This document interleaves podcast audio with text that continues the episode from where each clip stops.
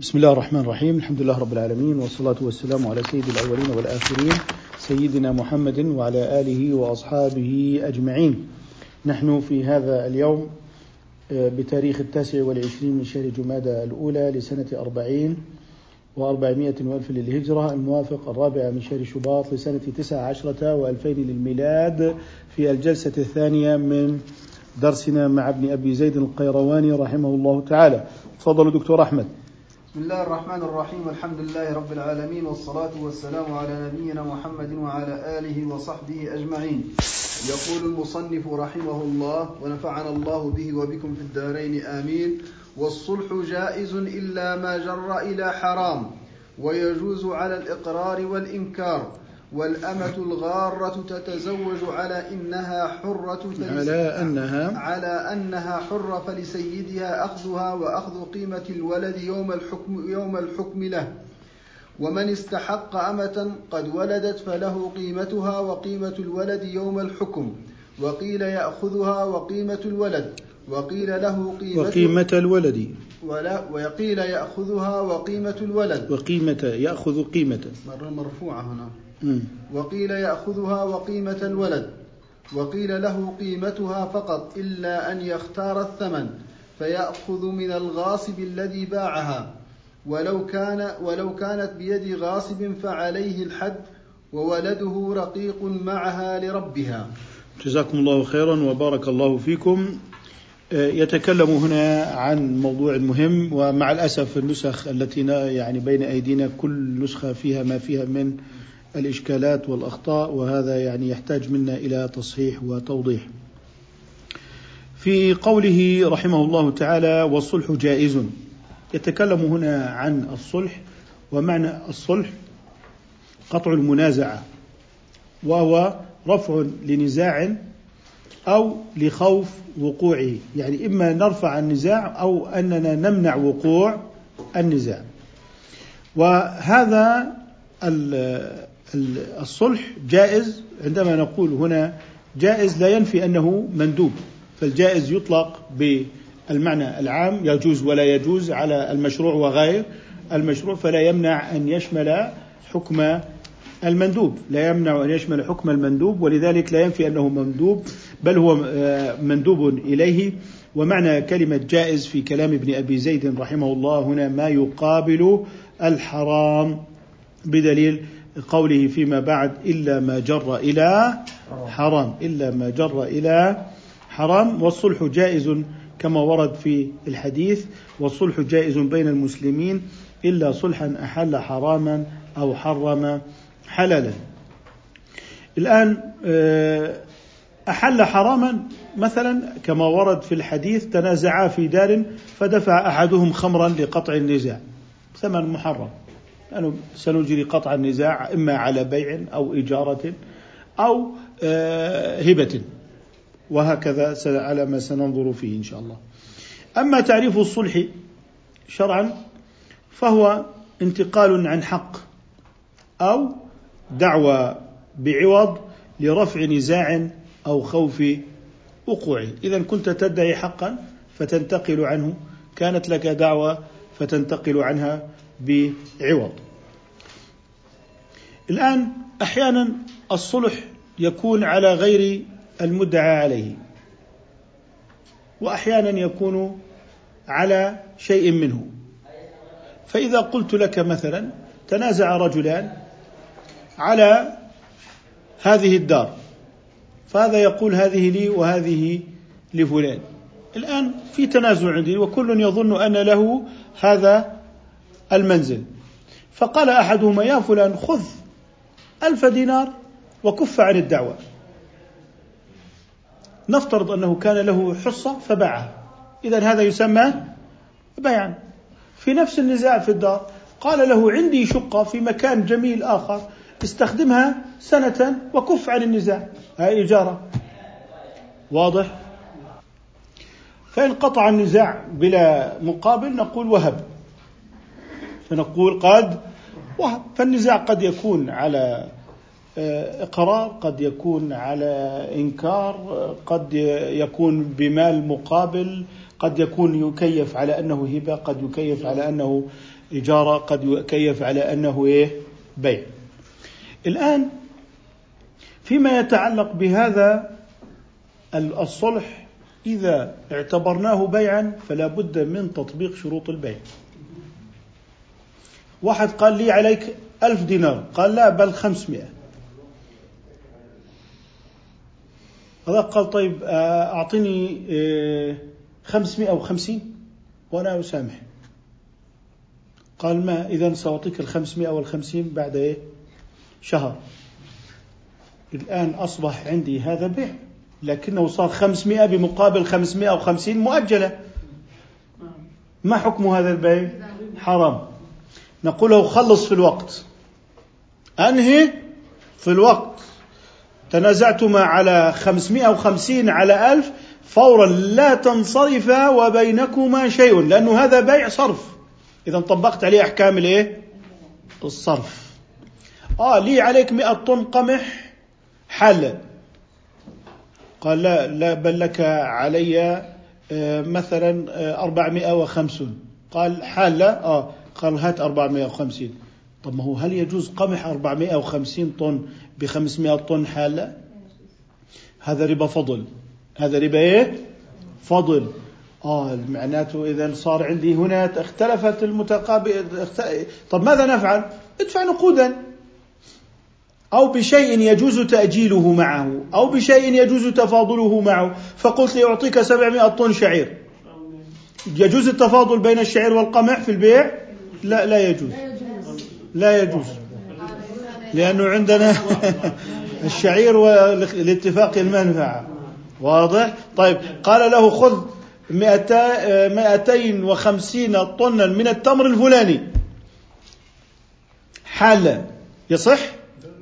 يصح لأنه يجوز التفاضل. طب لو قال يجوز التفاضل بين التمر والقمح. إذا اختلفت هذه الأصناف؟ ما هو خلاص ما هو الآن في في إيه؟ في دعوة إنه عند إلي عليك 500 طن قمح حالة. يعني فورا الآن سلم. فورا الآن سلم. حتى لا يصبح بيع ما في الذمة. الآن أنا عندي الآن سلمني إياهم. قال لا أنا متنازع معك هي 500 هي 300 هي 400 هي كذا كذا كذا إلى نقول لك خذ 250 طن حالا حالا وأنهوا النزاع. قبيلة خلص هذا صلح صحيح. ليه؟ لأنه يجوز بيع التمر بالقمح متفاضلا أيا كان ذلك التفاضل لكن بشرط الايه التقابض. بشرط الايه القبض طب هل يجوز تأجيل التمر والقمح؟ هذه أموال ربوية. إذا قلنا لابد من تطبيق البيع بشروطه إذا كان بيعا. لابد من تطبيق الإجارة إذا كانت إجارة. إذا عندما نقيم صلحا إنما نحن نتوخى قطع النزاع. ولذلك في موضوع الصلح ننتبه إلى قضية وهو أنه يبيح بالعقد لا يبيح بما عند الله. اذا الصلح هو وسيلة لقطع المنازعة. يعني بدلا من أن يأتوا إليك في قضية وتتراكم البينات وشرطي ذاهب وشرطي قادم والسجن مفتوح قمنا بحصر النزاع لكن هذا بناء على يحل بالعقد لكن لا يحل عند الله يعني أنا متيقن أنه إلك عندي ألف وقلت لك لا عند لك عندي ثمانمائة. قلت لي بل عندك ألف. قلت لك تأخذ ثمانمائة وخمسين وتسكت. فورا قلت نعم. أحل في الظاهر بس. وقطعنا النزاع ولا يمكن يعاود يطالب بالدين مرة ثانية. لكن أنا بعرف أنه الرجل له عندي ألف. هي علي حرام. هي علي حرام. وهذا يبرز أهمية الديانة في أحكام الحياة. حتى لو سامع لأنه هو الرجل مش هو الرجل ماذا يفعل؟ الآن أنا لي عليك يا وليد ألف. الآن أنت بتقول لي أنا نسيت. وبتقول لي لا والله ما كتبناش ورقة. أنا اللي متأكد إنه أنت أعطيتني كم؟ 850 يا أخ فلان. أنا الذي أقول ذلك. لكن أنا في قرارة نفسي متيقن بأنني قد أخذت الألف. لكنني أريد أن أنقص المبلغ وأفك الدين بطريقة ما. فأنا هذاك الرجل سيقول طب إذا ذهبت إلى المحاكم لن أستفيد شيئا.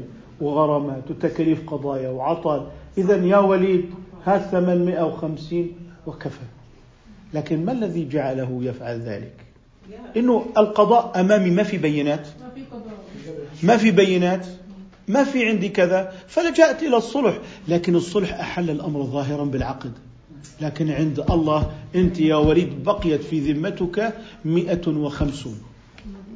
مئة وخمسون. واضح؟ إذا إحنا نقول في الصلح في إحنا أمام نزاع وهذا النزاع مستحكم وما فيش بينات. إلا الرجل يقول هاي بيناتي واحكم أيها القاضي لي. هذه وثيقة موقعة من وليد. وقع على أنه استدان ألف دينار وهذا شاهد عدل رقم واحد وهذا الشاهد عدل رقم اثنين. لماذا ألجأ إلى الصلح أنا؟ أعطيني الألف. واضح؟ إذا أنت لست بحاجة إلى صلح. لكن ما عندك بينات وما عندك أوراق فلجأت إلى هذا الصلح. لكن أنت ممكن تقول معقول وليد نسي. ممكن يكون نسي. لكن أنا متأكد أنه أخذ ألفا. أنت لست في قرارة قلبي لكنني أنا أعرف نفسي. الآن أنت الآن تظنني أنني قد نسيت لكنني أنا لم أنسى. أنا متأكد أنك أعطيتني ألفا. لكنني بدلا من أن أدفع الألف وأعجبتني الحياة الدنيا وغرتني الحياة الدنيا. فقلت أدفع 850 نعمل صلح. الألف أو المئة والخمسون دينارا. لا يستطيع أن يرفع فيها قضية فيما بعد لأننا قمنا بالصلح. قمنا بالإيه؟ بالصلح. إذا نحن نقول طب لو لي عليه السلم التسليم بعد ستة أشهر. فتنازع قال السلم هذا أنت لك مئة طن أنا قلت مئة وخمسين لكن ظايل له ستة أشهر. بجوز الصلح عليه؟ لا يجوز الصلح عليه. لا يجوز الصلح عليه لأنه يصير معاوضة عن السلم قبل إيه؟ قبضه لأنه بيع لأنه بيع ولا يجوز التصرف بدين البيع قبل قبضه لتوالي عقد البيع على عين واحدة وهو يؤدي إلى زيادة أرباح وهمية. أما بالقرض الحسن فيجوز لك أن تتصرف بالقرض الحسن قبل بيعه. أقرضتك عشرة آلاف طن قمح. لك أن تبيعها قبل أن تقبضها. لماذا؟ لأنك تبيع ما اقترضت وهو حسن ورفق. وليس فيه توالي عقد بيع لأن توالي عقد البيع تؤدي إلى زيادة أرباح البائعين قبل القبض. معنى ذلك أن الضمان أصبح فيه إشكال لأنه توالي العقد واضح الكلام؟ ولا يصح بذلك البيع لتوالي عقدتا البيع على سلعة واحدة وكلاهما يستربح من توالي عقدتي البيع دون قبضه وهذا جزء من حماية المجتمع من غلاء الأسعار والمضاربات. لذلك عندما تتفكر في شروط العقود الشرعية هي حمائية لنظام المجتمع. هي حمائية لنظام المجتمع. لأن بعتك هذه وهي عندي بعشرة أنت ستبيعها بكم؟ بإحداش لما زالت عند البائع الأول. ثم جاء البائع الثاني باعها لثالث والثالث باعها لرابع. كم بلغت قيمة هذه السلعة؟ بلغت قيمتها عشرين وهي ما زالت في حوزة البائع الأول. لكن الشريعة لما قالت اقبض أيها البائع الثاني ثم بيع عملت كبح لجماح الصفقات الوهمية. عندي عشرون عقدة بيع مع ربح على سلعة ما زالت بإيه؟ بيد البائع الأول. لذلك هنا تحقيق العدالة أيها الذاكر أيها العابد. هذا لا ينقص من قيمة العبادة. فقد كان أئمتنا عبادا وتقاتا لكنهم كانوا آه، يبنون الحياة يصنعون الاقتصاد يصنعون الاجتماع يلتفتون إلى مقاصد مجتمعية من هذه العقد الشرعية التي يعني بها العقود. إذا كانوا بنائيين وليسوا منزوين آه، يعني أنه آه، في جزء معين بحاجة إليك في التراويح مع بعض البكائيات مع دعاء لمدة ساعة في الركعة اللي هي ركعة الوتر. لكن إذا دخلنا إلى واقع المعاملات وجدنا الشيخ واقع فيما وقع فيه الناس. وطالب العلم قد وقع فيما وقع فيه الناس أيضا. هذا لا يقلل من قيمة الأدعية والأذكار ولا يقلل من قيمة الإمام وصلاته فهو خيرنا وهو يعني شفيعنا عند الله. لكننا نقول هناك واجب بناء حياة اجتماعية إيمانية في السوق وفي المتجر وفي كل مكان. وهذا هو الدين. هذا هو الدين. ليس عبارة عن شعارات. الإسلام صالح لكل زمان ومكان. وإذا بنا نلفق أدلة الشريعة لصالح الاقتصاد المتعولم الرأسمالي المؤلم. لذلك هنا ينبغي أن ننتبه إلى هذا الأمر.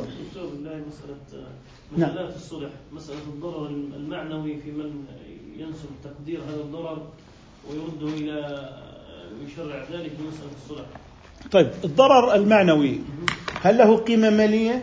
تقديرها هو بناء على أن الصلح يعني واحد سب شخص قدح وذم الآن آه، قدح وذم جاء جاء جاءني عند المحكمة أنت قاضي المالكية في ذلك البلد. شيخ عثمان دكتور عثمان. الآن جاءك متخاصمان آه الآن هذا الشخص سب أبو فلان. الآن ماذا تريد يا أيها الذي شتم وسب أبوك و... و... قال أريد مئة دينار تعويض. نقول له تريد أن تعمل صلحا؟ قال نعم. قال بيع مثلا. بيع. ماذا سيبيع؟ عرض أبيه. إذا الصلح لا يدخل في هذا سيبيع عرض أبيه. هل هو متقيم ماليا؟ لا هو سيبيع تنازل عن إيه، تنازل لكن هل هذا له قيمة مالية؟ ما دام ما دام الصلح. طيب قال تعالى يا أيها الذين آمنوا لا تأكلوا أموالكم بينكم بالباطل إلا أن تكون تجارة عن تراض صح. صح. طيب هل الكرامة الإنسانية سلعة لها قيمة؟ بمعنى بعد قليل سأتيك هذا الأب كم قيمته؟ والله هذا الأب بيعمل عامل وطن وفي أمانة العاصمة في النظافة. هذا حط له تسعيرة كرامته خمسين. وذاك والله نقيب آه، مؤسسة كبرى مهندسين وأطباء. هذا تسعيرة الكرامة بالنسبة له إذا ما نظرنا دكتور حتى الإشكال سيظل إشكال المهر. عقوبة تعزيرية بدنية. هل المهر هل هل المهر قيمة للمرأة؟ لا. المهر حده الشارع حده الشارع لاحظ. المهر حده الشارع مقابلا للوطي الآن امرأة وطئت استحقت المهر كاملا. خلصنا؟ طيب لو أن رجلا اغتصب امرأة لعلى كل وطأة اغتصبها فيها مهر كامل.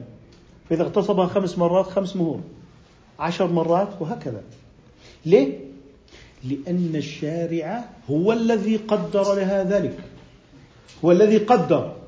وجعل هذا الأمر لا يفوت بلا مهر لا بعقد فاسد. حتى بالعقد المجمع على تحريمه إن لم يدرأ الحد فيثبت لها المهر. فمن تزوج ثم بانت أخته بالرضاع استحقت المهر كاملا. ليه؟ لأن الشرع جعل هذا مقابل الوطئ ليس تسليعا ليس تسليعا ليس تسليعا له. إنما قال لا يستباح الإنسان مجانا.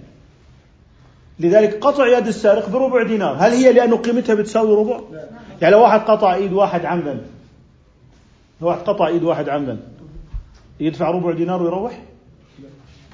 إذا الشارع له نمط وله أقيسة وله قواعد. الغرب له نمطيته المختلفة. الغرب له نمطيته المختلفة. حد القذف هل يجوز التعويض عليه؟ يعني واحد واحد قذف رجلا بالزنا ثم اشتكى هذا وأقام الشهود على أن هذا قاذف في الشرع عندنا بتعمل له تعويض على القدح والذنب؟ ما له تعويض هذا عليه حد. حتى لو تنازل لا ينفعه. حق الشارع. لا حتى لو تنازل. إذا بلغ الإمام حتى لا يص... حتى المقذوف لا يستطيع أن يتنازل. لو تنازل فهو هدر قبل أن يصل الإمام فإذا وصل الإمام أقام حد القذف. لما أقام حد القذف؟ قل لي نعمل صلح نعمل صلح إنه خلص أنت قدحت في هذا الرجل وفي عرضه واتهمته بالفاحشة. الآن الإمام اللي مطالب بتنفيذ حد القذف يقول له كم تبيعه عرضك؟ كم؟ خلاص. النمط التعويض الغربي هو الذي قام بعملية تسليع الإنسان. بمعنى كرامة يجب أن نموت من أجلها لكن قيمتها 100 دينار بالمحكمة. قيمتها مجانا لما يتنازل؟ إذا أنت عندما تقول هل الشارع جعل للعرض قيمة مالية؟ العرض السمعة. أستاذ الدكتور لما تنازل ألا يعتبر مجانا؟ لا؟ الشرع بيقول للمقذوف تنازلت أنت وعيلتك. إلى يوم الدين ما ينفع. لا قبل أن يصل الإمام إذا تنازل عفا ولا باع؟ إحنا بنحكي عن البيع ولا عن العفو؟ نحكي عن الع- عن البيع. إحنا بنحكي هي قضية جوهرية بين الفكر الإلحادي الغربي المهيمن وبين الشريعة في تعويضاتها. الشريعة لما قالت القذف لا يعوض عليه. ليش؟ لأنه مرتبط عندي بمصلحة مجتمعية. أجا اتهم هذا الرجل العفيف بالزنا أو تلك العفيفة بالزنا.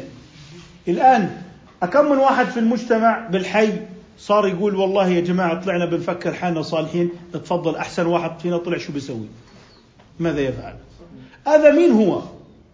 لذلك الله عز وجل لما تكلم المنافقون في عرض أم المؤمنين أصابوا الأمة كلها.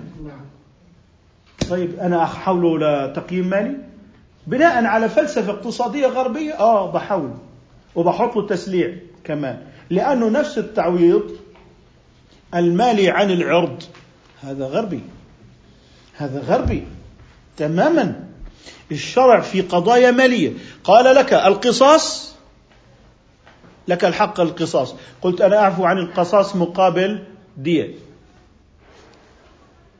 قبلها الشرع ولا ما قبلها؟ وعندنا بالمذهب. لك أن تصالح على أكثر من الدية ولك أن طب هل يجوز أن تجعل حق القصاص مهرا للزوجة؟ قل عفوت أعفو عن أبيك مقابل زواجي بك.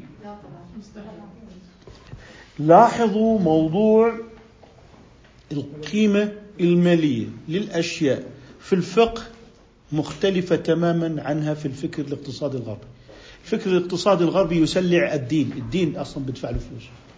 الفكر الغربي يرى كل شيء قابل للبيع. الجنسية قابلة للبيع الانتماء للبلد قابل للبيع. هات رأس مال وخذ جنسية. خذ انتماء مثل ما تحب.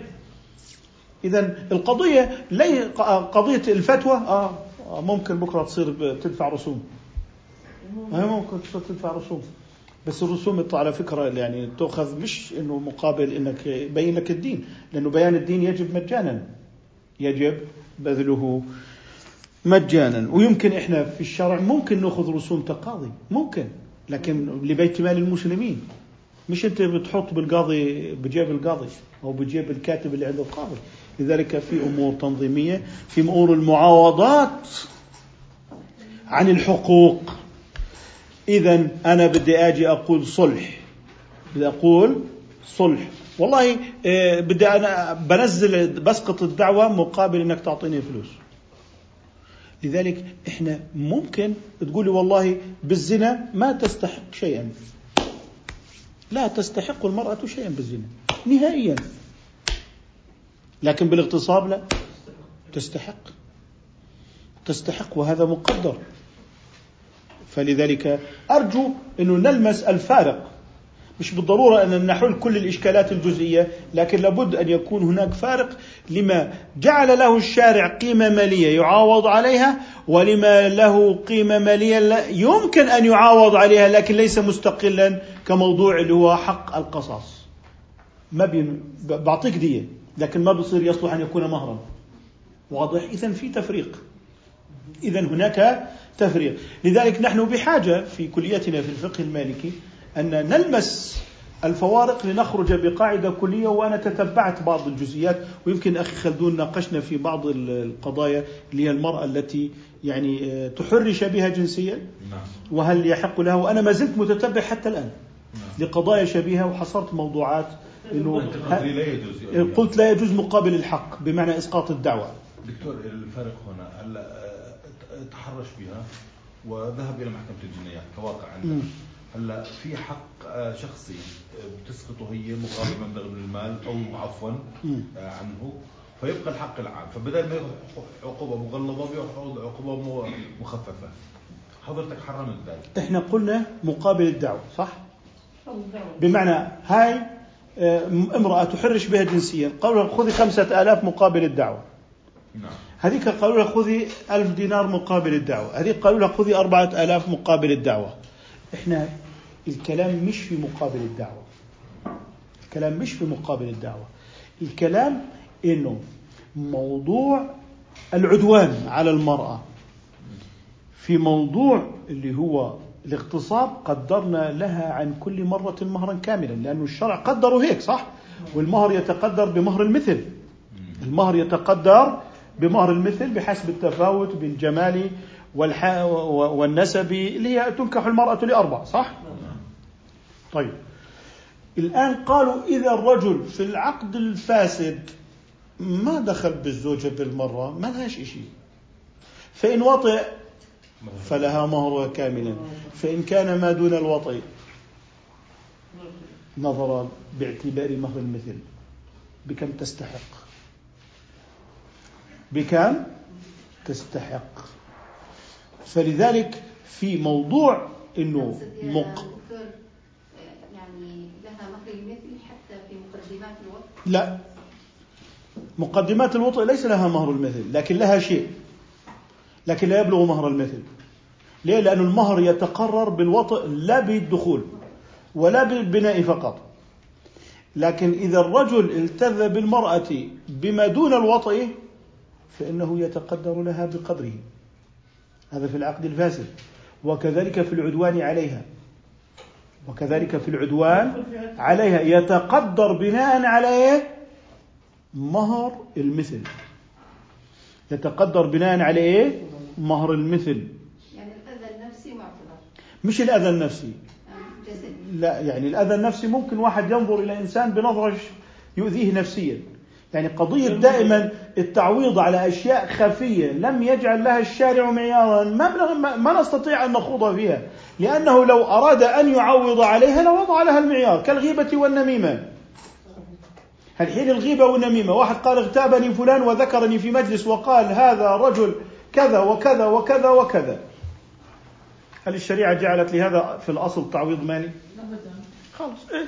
طيب اذا إذا لم تجعل هذا من الأسباب صح؟ الأسباب المبيحة للمال فإذا كانت لم تشرع له سببا فلماذا أحدثت هذا السبب؟ ونحن قلنا الإحداث في الأسباب لا يجوز أسباب استباحة المال محدودة في الشارع من قبل الشرع ألا إن دماءكم وأموالكم عليكم حرام إذا الأصل فيها التحريم إذا استباحة مال بده يكون بإيه؟ بسبب الغاصب في سبب إنه الشرع قدر للوطء مش مبلغ مالي مساوي وتسليع مهر مثل هو مقدره. مش بيع وشراء زي ما بتبيع سيارتك ب 10000 ولا تبيعها ب 50000 الدكتور مش بالتعويض لكن مثلا دعوة الكف هذا يعني يرفع خاصمه ويطبق عليه. بيجي الحاكم بيجي له 10 جلدات أنت بتقول بدي مصاري بقول لك روح. طبعا بدون آه بقول لك بتقول بدي مصاري بقول لك هاني جلدته 10 جلدات. يلا خلي واحد ثاني. طيب افترض الآن أنا بدي أعوض بحسب كرامة الإنسان العامل غير كرامة الطبيب الجراح المشهور. تمام؟ التعويض أنا بفرق بين عقوبة وتعويض مالي. باجي أنا عندي عقوبة بدنية وعندي جزاء أخروي. محل النقاش في التعويض المالي. مغتاب بيتعوض مالي؟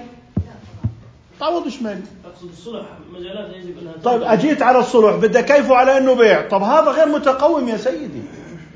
هذا غير متقوم لكن لما جيت أنا على موضوع الغصب قال الآن بيطلع لها مهر هي أخذت نصه. عفت عن نصفه وأخذت نصفه. إذا في قضية إنه أنا إذا بدي أقول في تعويض مالي بدي أقول لك إيش المعيار. طيب إذا قلت لي ما في معيار بدي أقول لك من أين جئت بذلك؟ أعطيتني معيار شرعي بقول لك هات معيار شرعي، أما تضعني تحت سقف العولمة؟ لا. بمعنى سقف العولمة لما يريد أن يقيم إنسان بقيمه حسب اللي هو عمله، مهنته، سمعته، فكل واحد له تسعيرة يعني سبت أبو عامل الوطن غير سبت أبو واحد طبيب جراح. ليش؟ هذا كرامته بتختلف عن هذا. بعدين تقول لي في الدستور الناس متساوون في الحقوق والكرامة؟ أي كرامة. هاي كنت بالمحكمة معوض هذا عشر دنانير وهذاك معوضه ألف. إذا أنت بدك تقولي بدي أعوضه ماليا بدي أقول لك حط المعيار الشرعي. أعطيني ضابط شرعي. طب ما عنديش ضابط شرعي إذا من وين جبته؟ من أين أتيت به؟ لو الآن بدي أعوض واحد مغتاب. ذكرني فلان بسوء وقال فلان صفته آه، كذا وكذا وكذا من النعوت. رحت رفعت قضية عند قاضي شرعي. وقال بدي أعوض مالي. على أي معيار بده يعوض؟ لذلك الأموال حرام. الأموال حرام. حرام حرام. بدكم تنحوا منحى الاقتصاد الرأسمالي في تسليع بني آدم وكرامته هيو موجود في المحاكم وجاهز. وممكن تمر تشوف القضايا المشابهة وتطلع بالتسعيرة. تسعيرة للمواطنين. تمام؟ بالله هذا قديش عوضوا أبوه؟ هذا عوضوه على سب أبوه مية. طيب يلا سبوا أبوه كمان مرة. وادفعوا كمان 200 يلا سبوا اللي خلفوه لأنه أنت المعيار اعتبار مين باعتبار المشتوم مش هيك؟ آه يلا معك ألف ليرة بتسبوا عشر مرات. هيك الدين؟ هذا دين؟ هذا دين؟ من أين هذا؟ إذا إما أنه نروح على باب العولمة ونركع هناك. ونقول لهم أنتم سلعتوا بني آدم وإحنا زيكم والإسلام هيك عمل. هيو عندنا القصاص حولوه لإيه؟ لدية وحولوا له صلح مالي. وهي المرأة برضه اغتصبت وهي فبتصير تعمل إيه؟ تجيب أدلة الشريعة وتحطها لوين؟ للعولمة. وين شريعتك؟ راحت وظلت العولمة وأصبحت أدلة الشريعة للعولمة. لا تجيب أدلتك تحطها للعولمة. لا تجيب أدلتك تحطها للثقافة الغربية. لا تأتي بأدلتك الشرعية وتضعها للفكر اللاديني. عندك شريعة أعطت تعويضات على الغصب بمقياسها. أعطت تعويضات على هتك الحرمة بمقياسها.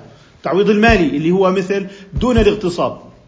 لكن إنه أقلب هاي تصير مقابل الدعوة؟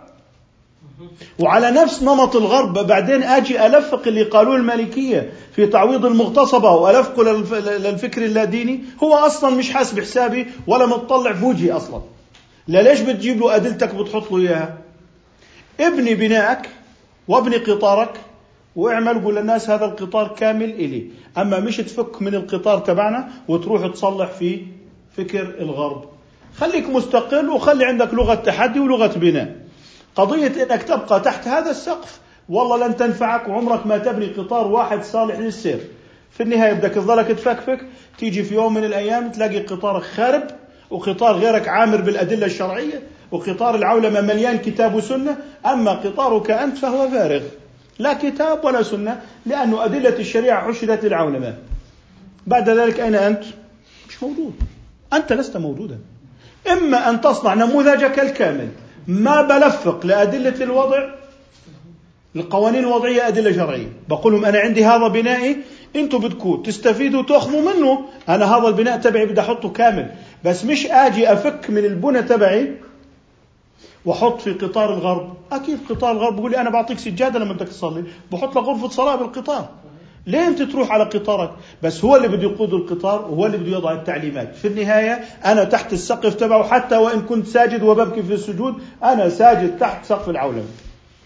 ليش؟ لأنك لم تبني نظامك الكلي ونموذجك الكامل. ابني نموذجك الكامل. نموذجك الكامل ولا تحول أدلة الشريعة للواقع الغربي. خلي أدلة الشريعة حاول تبني قطارك الكامل. امسك قضاءك من ألفه إلى يائه. ابنه واحدة واحدة لبنة لبنة قاطرة قاطرة. قيادة هذا القطار بيدك. أما إنك أنت والله آه هيو الغرب بيعوض عن الشتم. طيب آه وين بلاقيها هاي أنا؟ خليني ألاقي لها دليل. والله هيو عوض آه هي الشريعة هون هون عوض عن التحرش الجنسي وهي الملكية بيقولوا إنه المرأة المغتصبة هيو إلها آه مهر. اذا في تعويض اسحبوه للآخر مطوه هو موجود لكن موجود بقدر سنتي. خلوه متر مشان يتوافق مع العولمة. أصله صحيح لكن امتداده مش صحيح. فلذلك إحنا الكلام الذي أريد أن أقوله لن نلفق للعولمة أدلة. ما بنلفق لهم أدلة. إحنا بنقول لهم في عندنا بناء بكامل بده يبنى كليات كاملة. بعطيك نموذج قضائي كامل. أنت بدك تأخذ هاي الجزئية أصلا أنت مخاطب بفروع الشريعة. أصلا أنت مخاطب بفروع الشريعة. يعني أجينا لقينا والله في القضاء العشائري الأردني وأنا صادفت بعضهم قالوا إحنا في الاقتصاد بنعوض. قلت لهم عوضوا بقدر المهر. بس. التعويض بقدر بقدر الإيه؟ المهر. طيب الآن آه ما فيش زواج لكن الشرع ما خلاله سلعة لأنه لسه في عندي عقوبة تعزيرية. في عندي عقوبات تعزيرية. أما إنه والله واحد سب واحد واحد اغتاب واحد. كل يوم آه والله الشاب اللي معانا قديش تسعيرة أبوك يا فلان؟ والله تسعيرة أبوي حطوا لي إياه 50 ليرة سبته. وأبو فلان قال لا والله أبو فلان وجه حطوا له 500 ليرة. أي مساواة؟ أي عدالة؟ لذلك لذلك مبدأ تلفيق أدلة الشريعة للواقع بمعنى إعادة إنتاج الواقع وفق أدلة شرعية نقول لا نريد ذلك نريد أن تبقى أدلة الشريعة لجزئيات الشريعة نفسها. وهذا بناء مترابط زيه زي لبنة شدت أختها. أما أشيل اللبنة تبعتي أحطها في القانون الوضعي بعد شوي أجد نفسي أمام حالة ملفقة. طيب أما إذا قدر الإمام غرامة وعقوبة مالية توضع في خزينة المسلمين فنحن وراء الإمام لأنه المبدأ التغريم للأمة آه بصير.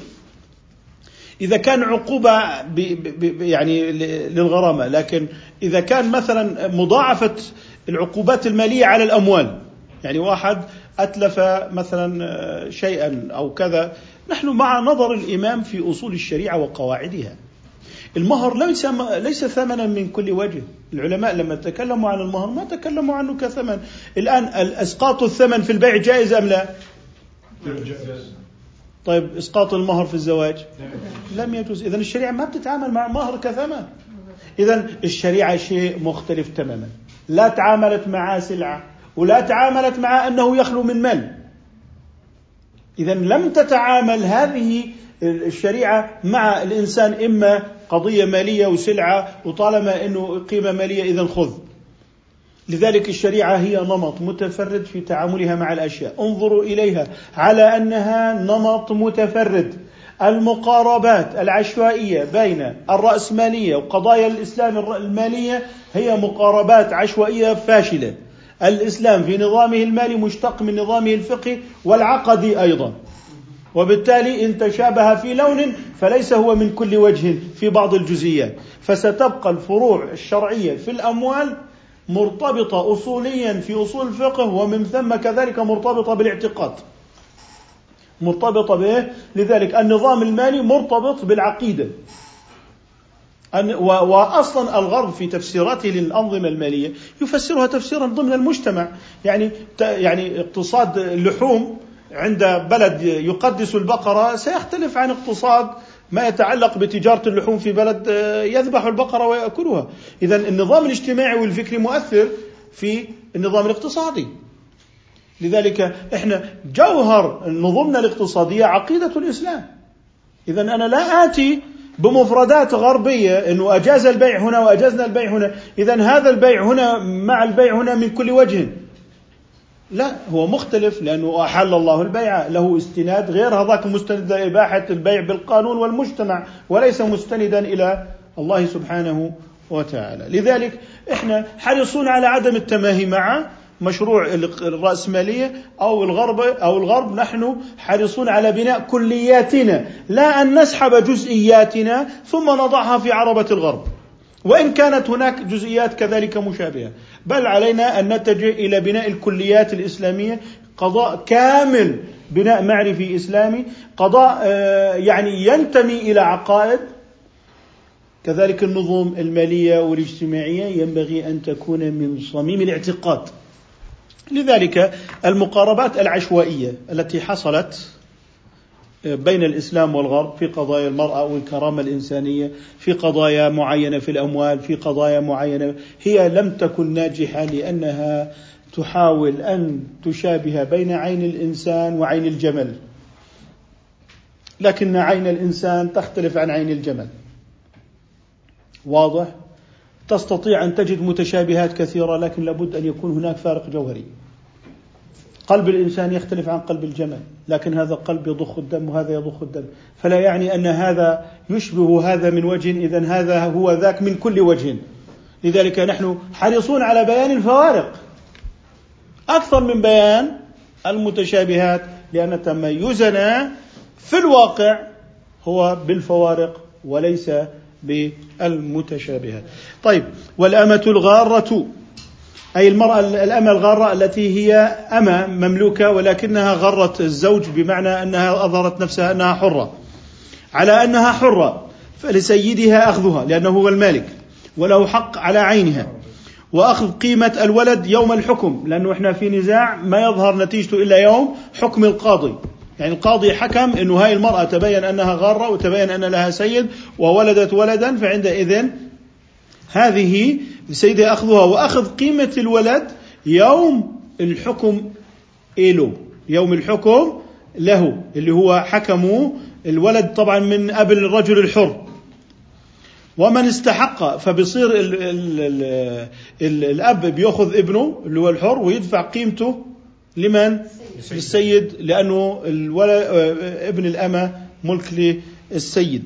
قال ومن استحق أمة قد ولدت فله قيمتها وقيمة الولد يوم الحكم. وقيل يأخذها وقيمة الولد وقيل له قيمتها فقط. تخلي اختلافات فرعية. نحن مع مبدأ الاستحقاق كما سيظهر في العقار فيما بعد فهو أفضل من الحديث في هذه قال يوم الحكم وقيل يأخذها وقيمة الولد وقيل له قيمتها فقط إلا أن يختار الثمن فيأخذه من الغاصب. الآن بدأ يتكلم عمن غصب وليس من تزوج مغررا به. وهذا الفرق في موضوع الغاصب أو من اشترى وقد غرر به في فرق جوهري في الأحكام فالغاصب معتدي ابتداء وهو يعلم نفسه أنه معتدي قال فيأخذه من الغاصب الذي باعه ولو كانت بيد غاصب فعليه الحد. يعني غصبها ثم وطئها فهو يعلم أنها ليست أمته فعليه الحد وولده رقيق لا يؤثر لأنه هو غاصب وولدها رقيق يرجع إلى آه، السيد. آه، أكتفي بهذا القدر إن شاء الله تعالى. سبحانك اللهم وبحمدك نشهد أن لا إله إلا أنت نستغفرك ونتوب إليك.